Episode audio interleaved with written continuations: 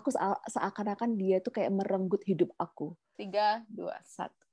Hai semuanya, apa kabarnya kalian hari ini? Selamat datang di podcast kita Ngobrol Yuk bareng Dina dan Ruli. Oke, okay, selamat datang kembali di podcast kita ngobrol-ngobrol tentang kehidupan sehari-hari, curhatan kita dan lain sebagainya. Masih ngobrolin tentang Mental Health Awareness Month, which is yang kita rayakan atau kita bukan rayakan ya yang kita um, dedikasikan uh, dedikasikan. Iya ya betul. Mm-hmm. dedikasikan untuk teman-teman uh, yang mengalami masalah kesehatan mental. Kita um, mau membuat beberapa tema dan topik yang berhubungan dengan mental health. Karena kita ngerasa penting sekali deh kita ngobrolin tentang tentang tentang kesehatan mental menurut kita itu bukan suatu yang tabu lagi, tapi sesuatu yang kita perlu bicarakan bareng-bareng. Nah, kebetulan tanggal 5 Mei itu adalah uh, World Maternal Awareness Day, tanggal 5 Mei kayak gitu ya. Itu hmm. adalah hari di mana kita juga mengingat Uh, terutama Struggles. para mm-hmm. ya betul tetap terutama para mama-mama muda yang barusan melahirkan karena uh, struggle atau kesusahan dan kesulitan saat setelah melahirkan itu benar-benar real dan banyak sekali orang-orang yang mengalami hal yang sama kayak gitu nanti aku Dina dan Ruli juga akan cerita tentang pengalaman kita tapi sebelumnya kamu uh, bisa nggak cerita tentang atau share deh pengalaman atau pengetahuan kamu tentang postpartum depression dan juga baby blue yang baby blues yang dialami mama-mama, terutama hmm. mama-mama muda ya yang barusan melahirkan.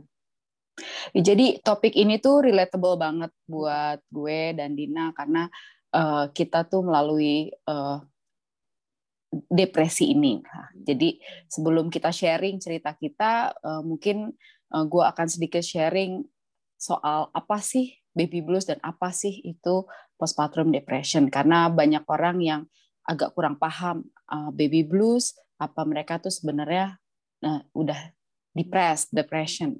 Jadi kalau baby blues itu biasanya uh, itu terjadi uh, dua uh, atau tiga hari uh, setelah kita melahirkan. Itu uh, biasanya karena kita kecapean atau karena kita setelah melewati uh, hormonal changes yang begitu besar, terus uh, juga perubahan kayak sebelumnya kita nggak punya anak, terus punya anak dengar tangisan bayi, jadi itu kan juga mentally kita juga nggak siap semuanya serba berubah di hidup kita. Tapi biasanya baby blues itu dia akan lebih baik itu setelah satu atau dua minggu. Karena kita udah jadi terbiasa kita tahu uh, gimana trik-trik untuk oh iya kalau nangis menyusui seperti itu. Jadi kita udah masuk ke proses adjustment lah istilahnya. Tapi kalau perasaan itu uh, melebihi dari dua atau tiga minggu jadi perasaan jadi apa yang kita rasakan tuh seperti ini. Mood swing Misalnya satu menit kita happy, tiba-tiba kita sedih. Terus satu menit kita bangga jadi ibu, terus tiba-tiba satu menit yang lain kamu ngerasa, ah gue belum siap nih jadi ibu gitu kan.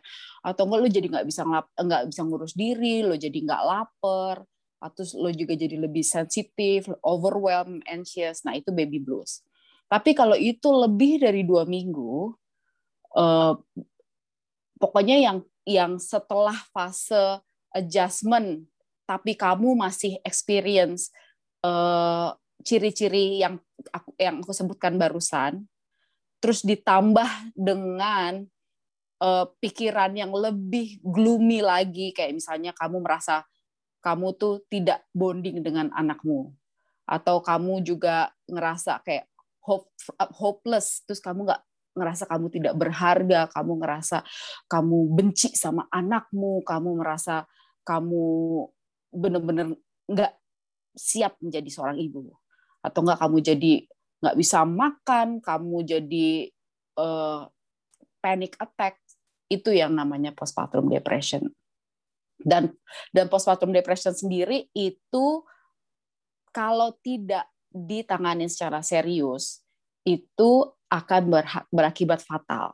Makanya itu amat sangat penting kita untuk bisa mengkomunikasikan ke dokter kita. Jadi eh, apa namanya biasanya dokter itu akan ngasih kita semacam sintetik hormonal karena basically itu hormonal changes yang di diri kita yang bikin kita tuh jadi mentally illness istilahnya gitu. Nah, sekarang udah tahu dong sedikit perbedaannya. Sekarang kita masuk ke sharing session. Gimana cerita lo, Din? sharing session. Oke, okay, um, kalau aku uh, aku punya dua anak kan. Mm-hmm. kalau aku merasa yang terberat, terberatnya aku nggak ada yang kayak diagnosa apa pun itu ya. Cuman yang aku merasa terberat itu dengan anak yang pertama. Itu antara siap dan nggak siap. Kayak mungkin aku ngerasa part of it itu karena itu. Sesuatu yang baru kan. A big change, a big adaptation. Mm-hmm. Apa, adaptasi mm-hmm. yang besar sekali di hidup aku. Segala mm-hmm. macam kayak gitu. Nah anak yang pertama itu aku ngerasa berat banget sih waktu itu. Karena uh, per, mungkin part of it itu karena kalau di Indonesia uh, uh, ayah itu tidak ada namanya cuti yang cukup ya untuk bisa Betul. support uh, istrinya hmm. setelah istrinya melahirkan.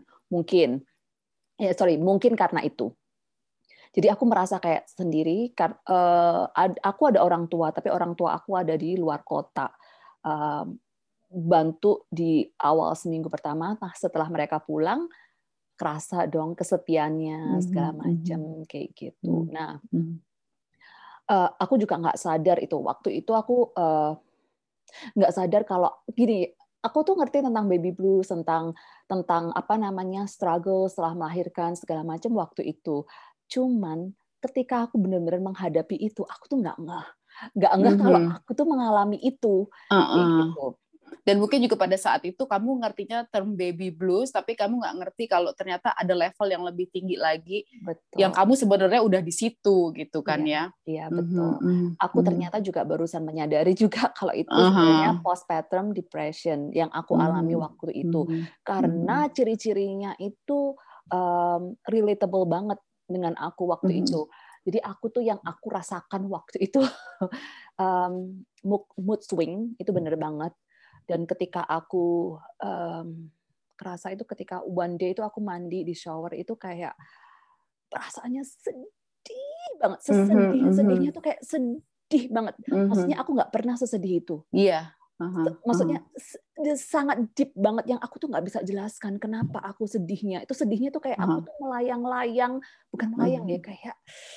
ah, mungkin kamu bisa relate ya maksudnya iya iya kayak gini loh jadi at the same time gitu. kamu tuh ngerasa sedih tapi at the same time kamu mempertanyakan gue tuh sedih kenapa sih gitu kok gue bisa sedih exactly. banget aku itu bisa kan jelasin kenapa oh, itu aku sedih oh iya benar aku aku aku Jadi, tahu gimana rasanya dan juga waktu itu kan awal-awal kan masih sakit ya sakit di bawah bagian mm -hmm. bawah sakit Semua. bagian atas mm -hmm. juga lagi mm -hmm. apa namanya uh, awal-awal menyusui itu kan struggling banget terus aku juga uh, waktu mandi itu semuanya ketika cairan-cairan tuh keluar dari atas sorry uh, agak hmm. vulgar tapi itu yang aku rasakan uh, cairan yang keluar dari atas atau dan yang ke bawah air susu dan juga air apa pendarahan pendarahan rasa sakit di mana-mana. Terus aku kayak merasa aku sempat kepikiran kayak nyalahin bayi aku waktu itu. Karena dia kayak dia seolah-olah tuh kayak aku seakan-akan dia tuh kayak merenggut hidup aku Mm-hmm. maksudnya I'm mm-hmm. not the same mm-hmm. person anymore because of this baby kayak gitu aku sempet, sempet ada pikiran kayak gitu itu lalu waktu aku menyusui itu aku to be honest itu aku nggak nggak nyaman waktu awal-awal menyusui itu kalau orang-orang lihat kayak di iklan-iklan TV gitu ya menyusui itu kayak indah gitu. happy gitu ya, happy, kayak gitu kayak mamanya kayak ini. malaikat gitu kan uh, dari langit terus anaknya uh, seperti yeah. malaikat juga uh, yang menyusui indah gitu enggak maksudnya mhm. bukan berarti apa namanya aku apa namanya bukan berarti kamu tidak bahagia cuma bukan berarti aku tidak mencintai anak aku iya.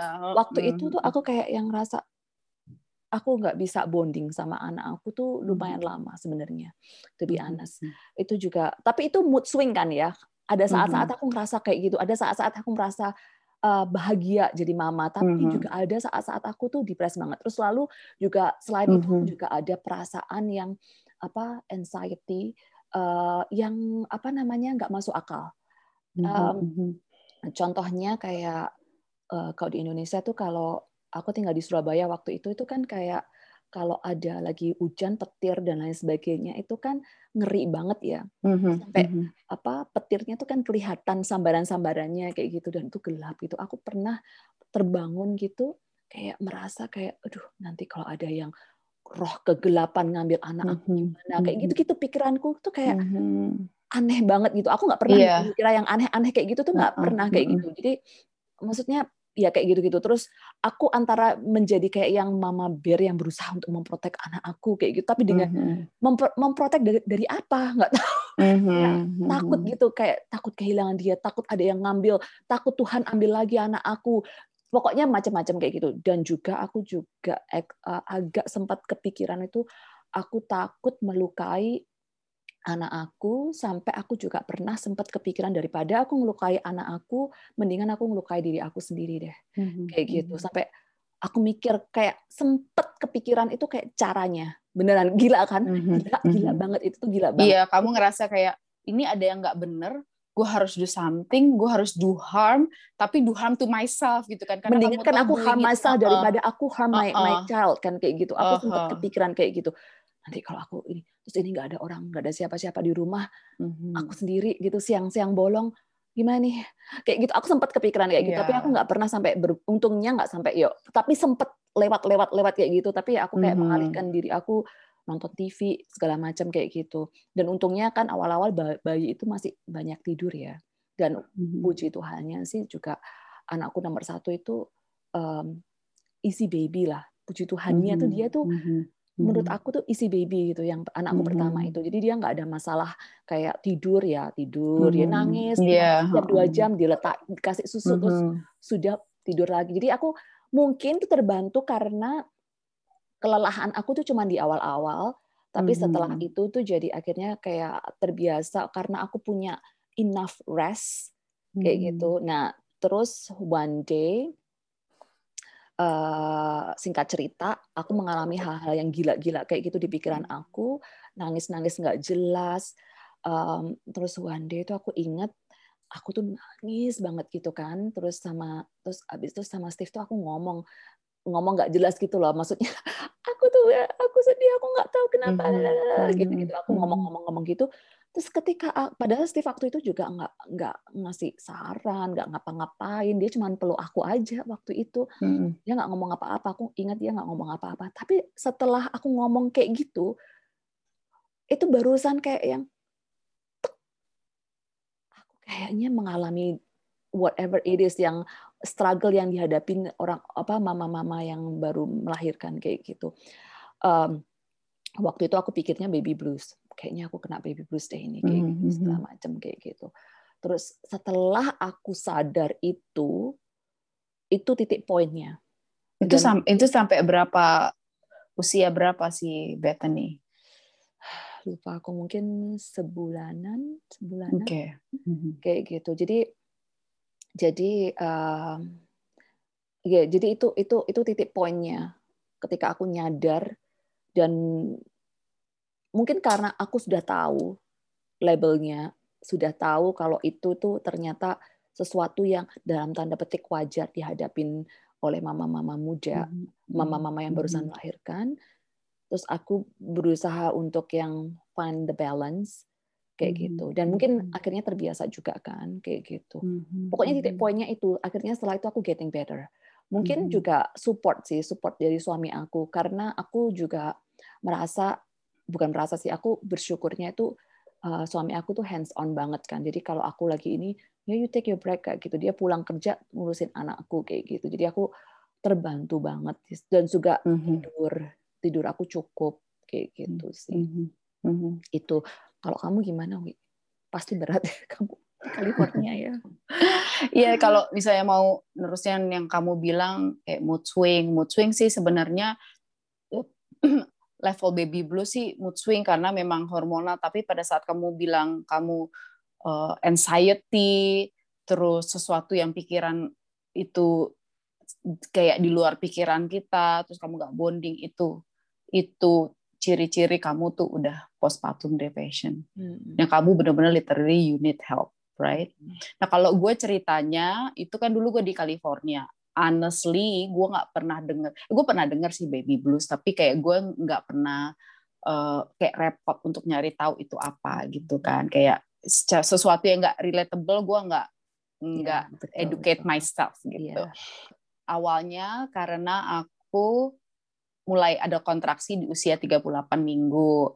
Nah, di 38 minggu itu aku mamaku belum datang karena dia udah tiket pesawat itu uh, waktu itu ada promo lah di promonya itu uh, dia datang di saat aku akan melahirkan 40 minggu which is itu di tepat waktu ternyata tapi kan aku early. Hmm. Jadi waktu aku melahirkan aku cuma ada Alin. Hmm. Nah, tapi ternyata nggak sesimpel itu pada saat aku proses melahirkannya pun itu 48 hours untuk Karina itu benar-benar lahir, benar-benar lahir lagi. Soalnya antara kontraksi gue dan bukaan gue tuh nggak sejalan. Jadi uh, lama lah gue bener-bener yang ngerasa gue I I I I was thinking I cannot survive gitu apa. Secara kan kalau di sini kalau lo nggak antara hidup dan mati lo nggak akan dikasih sesar. Pokoknya gue normal gitu. Tapi uh, setelah dua hari Karina lahir dan dua hari itu gue nggak tidur ya sama Alin ya literally. Mm-hmm. Terus pada saat lahir gue tipikal mama-mama Indo lah yang pengennya anak tuh di kamar gue. Gue terinspirasi dari siapa tahu deh pokoknya dia ngomong ya nanti anaknya di di kamar aja gitu. Padahal susternya juga bilang enggak udah taruh aja bener deh bener deh ini uh, apa namanya kita tuh bantu kamu untuk istirahat dua hari itu berarti karena lo bakal punya dia the rest of your life gitu kan. Hmm. gitu. Jadi udah nggak apa-apa susah di, di di kamar aja gitu. Hmm. tapi ternyata di kamar itu yang tidur malahan Alin gue dan bayinya malahan nggak tidur. Pokoknya gue restless setiap sejam nangis setiap sejam nangis. Udah, udah gitu udah capek. Akhirnya pulang ya kan. Tapi sempet sih Karina memang jaundice itulah apa yang masuk. Mm -mm.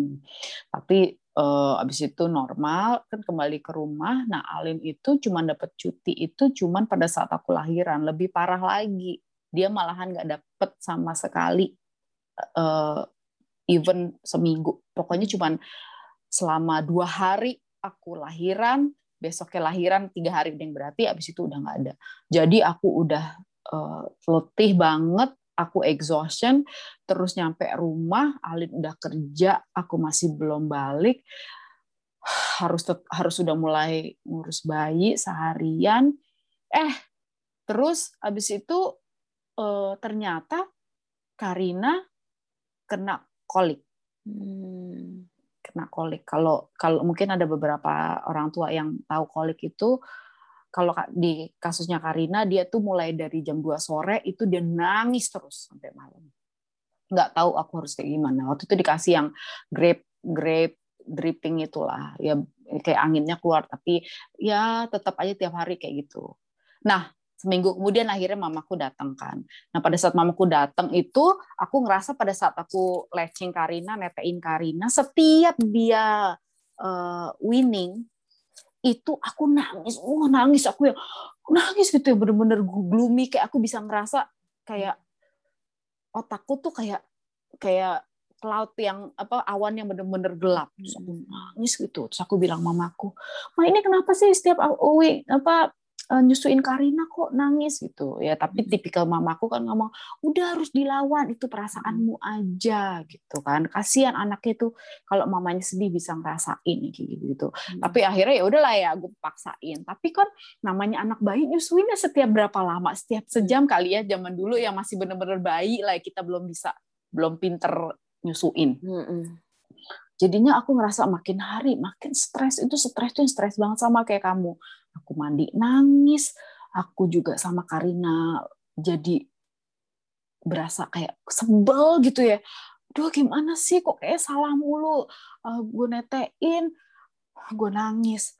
Terus kayaknya nggak nggak kenyang kenyang terus kalau gue lagi mandi gue juga pokoknya semuanya semuanya aku ngerasa salah. hidupku tuh gelap gitu loh terus aku share lah sama dokterku aku bilang kan uh, apa namanya aku bilang dok ini kenapa sih lah uh, aku ceritain gitu terus si dokternya sih uh, mukanya concern gitu, yang mukanya serius gitu. Apa yang kamu pikirkan uh, pada saat apa? Pokoknya dia detail gitu. Terus ya udah akhirnya dia uh, kirim uh, orang yang apa lactate itu apa apakah gue karena gue posisi menyusui gue salah gitu kan. Kadang kan kita kalau salah kan jadi sakit kalau sakit kita jadi nggak nyaman gitu dipikirnya gitu. Udah disuruh datang ya benar gue udah benar gitu. Segala macam akhirnya pas lagi kontrol ke dokter lagi aku bilang gue tuh uh, nggak nggak nggak makin better gue gue makin uh, stres makin nangis ini nggak tahu air mata keluar keluar dari mana gitu. Akhirnya dokternya kita uh, apa namanya uh, komunika kayak bicara dari hati ke hati deh. Dia bilang intinya uh, Ruli uh, ya memang kalau menyusui itu uh, apa namanya bagian yang amat sangat terpenting dari uh, proses menjadi ibu gitu ya. Menjadi ibu yang baik dia bilang. Tapi uh, menyusui juga itu bukan segalanya kalau kamu nggak bisa menyusui bukan berarti kamu ibu yang nggak baik gitu. Justru kalau di kasus kamu seperti ini justru untuk keamanan lebih baik kamu tidak menyusui. Dibilang toh juga kasih sayang itu bisa uh, dari uh, apa apa apa pun itu nggak harus dari menyusui intinya gitu dia bilang gitu. Nah tapi kan gue bilang ya kita kan ya eh, perempuan Indonesia perempuan Asia gitu ya kita kan menyusui itu udah kayak kodratnya ya hmm. jadi pada saat kita nggak menyusui itu kita ngerasa kayak bener kayak less of a mom gitu terus tapi akhirnya setelah gue pikir-pikir oh tapi dia juga sempat ini yang kena ke gue dia, dia bilang kayak gini Uh, kamu pernah dengar nggak yang namanya uh, yang namanya postpartum depression? Aku bilang aku nggak, aku pernah dengar namanya baby blues. Aku bilang, terus dia bilang, iya itu ada namanya postpartum depression, yang which is itu hal-hal yang biasa di sini.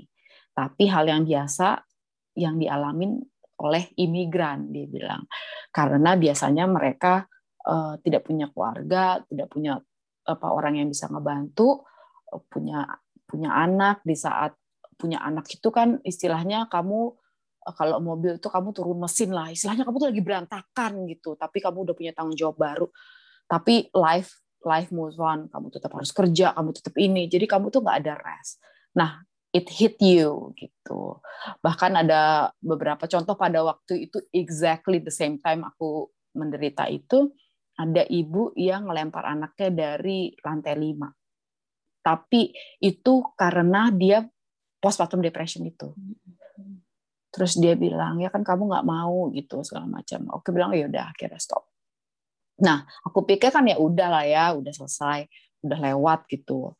Nah tapi kok perasaan itu tuh masih ada gitu. Kayak perasaan yang gue kayak gue ngebenci diri gue sendiri. Aku tuh benar-benar ngebenci diriku sendiri. Hmm. terus aku ngerasa gue failed banget anak gue. Kok anak gue nggak selalu nangis sih selalu nangis gitu. Nah di saat itu juga gue banyak kritik soal my body image hmm. ya kan? Karena aku memang berubah. Aku naik banyak waktu itu. Tapi uh, apa namanya ternyata dengan aku naik banyak tuh bukannya aku apa getting grace dari orang-orang di sekitarku malah aku dapat banyak banyak kritik gitu yang suamiku bisa diambil orang lah habis itu ya kayak pokoknya yang gemuk lah segala macam nah itu ternyata juga eh, memperparah depresiku. Jadi aku semakin membenci ini eh, anakku juga dan diriku gitu. Terus tapi kayak kamu bilang kamu tuh kamu tahu kamu sebenarnya mencintai anak kamu gitu. Tapi at the same time kamu mikir kayak ini tuh semua terjadi tuh karena punya anak gitu. Karena karena it happens karena gue tuh melahirkan intinya gitu. Terus habis itu nggak lama nyokapku kanker. Nah pada saat nyokapku kanker itu gue jadi mikir gini, gue udah bukan ibu yang baik, gue ternyata juga bukan anak yang baik karena aku ibuku di Jakarta, aku di California. Ya pokoknya gitulah, aku ngerasa kayak gue tuh double failure.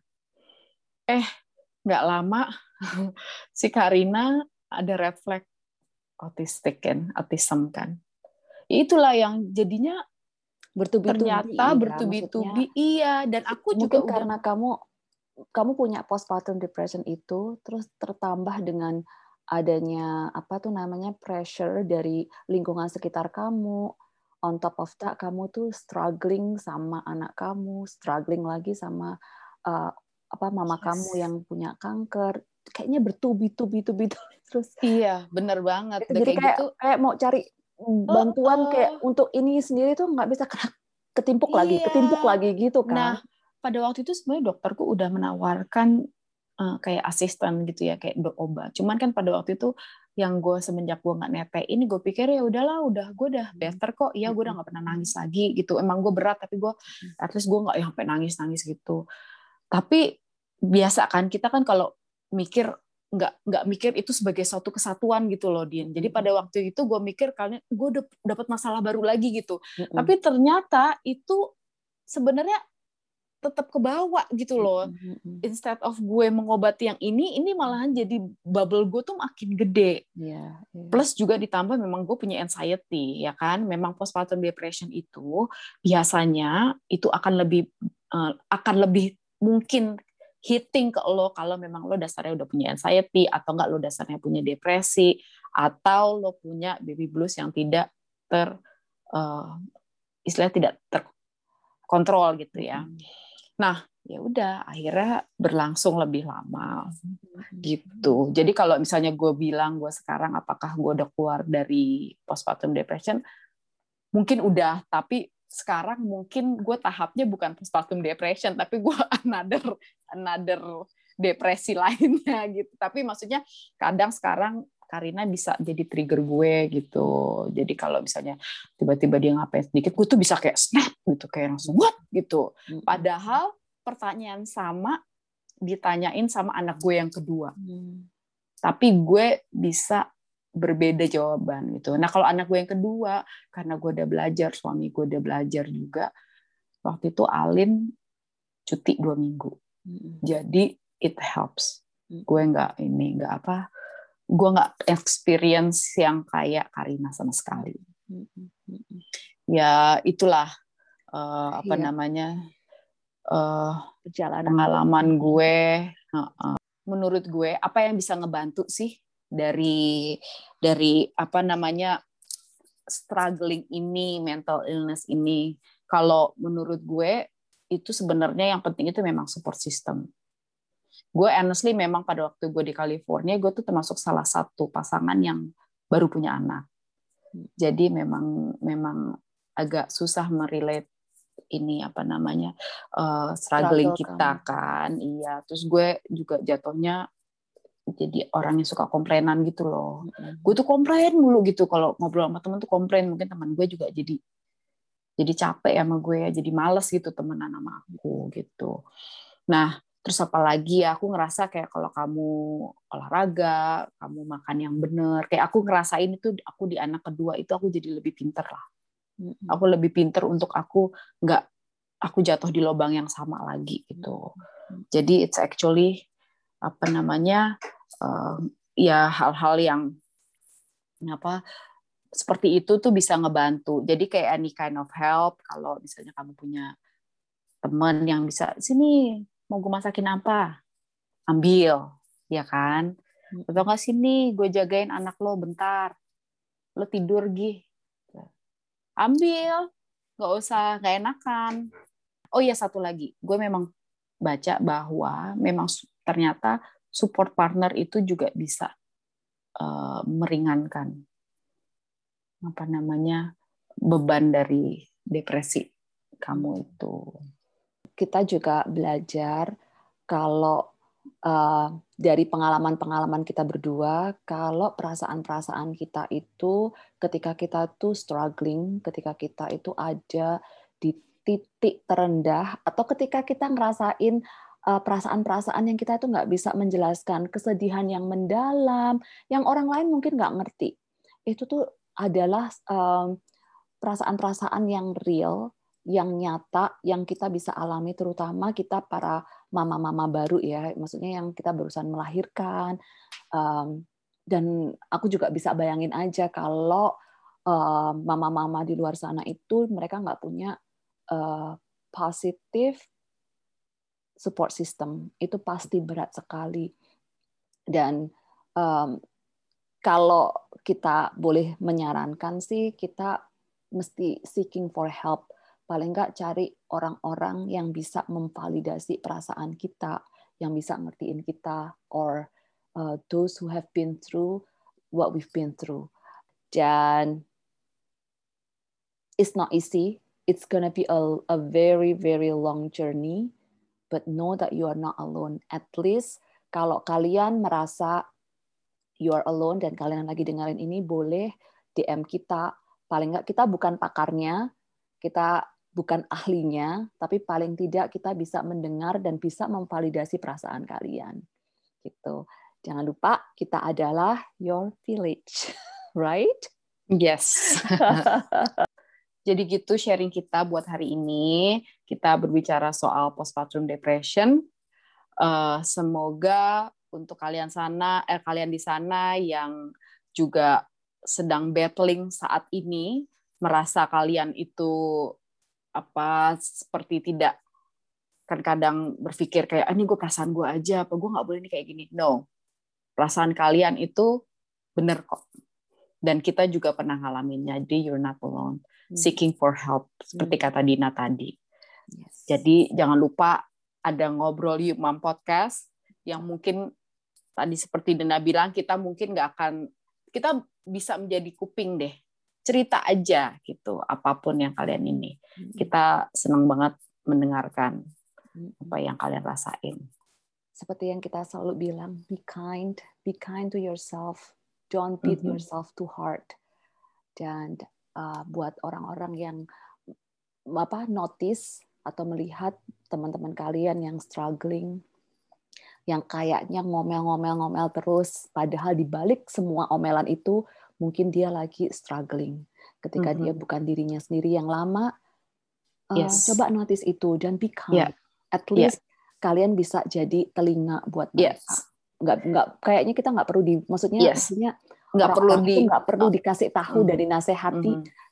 yuk kurang kamu kurang iman kamu perasaan kamu yes. kamu agak uh, apa yes. namanya um, baperan deh kamu uh, kayak uh. gitu mungkin kamu terlalu berpikiran overthinking segala macam yes no. aku bisa relate itu sih aku we don't need to tadi, listen to that uh, right uh. yeah pada saat yang aku bilang aku tukang komplain itu sebenarnya kalau gue lihat sekarang itu kayaknya pada waktu itu gue tuh sebenarnya lagi reach out hmm. gue tuh cuman butuh orang tuh yang dengerin gue deh gitu okay. a little bit compassion untuk orang-orang di sekitar lo juga itu penting exactly. jadi doesn't mean that you don't experience it bukan berarti itu tidak terjadi. Betul. Oke teman-teman sampai uh, segitu untuk hari ini. Hmm. Jangan lupa uh, follow Instagram kita. Kita di situ untuk kalian. Kita akan support kalian the whole month untuk support yang kalian punya struggle dengan mental illness. Hmm. Dan jangan lupa YouTube kita uh, dan podcast kita. Oke, okay? okay, sampai berjumpa di lain waktu. Bye. Bye.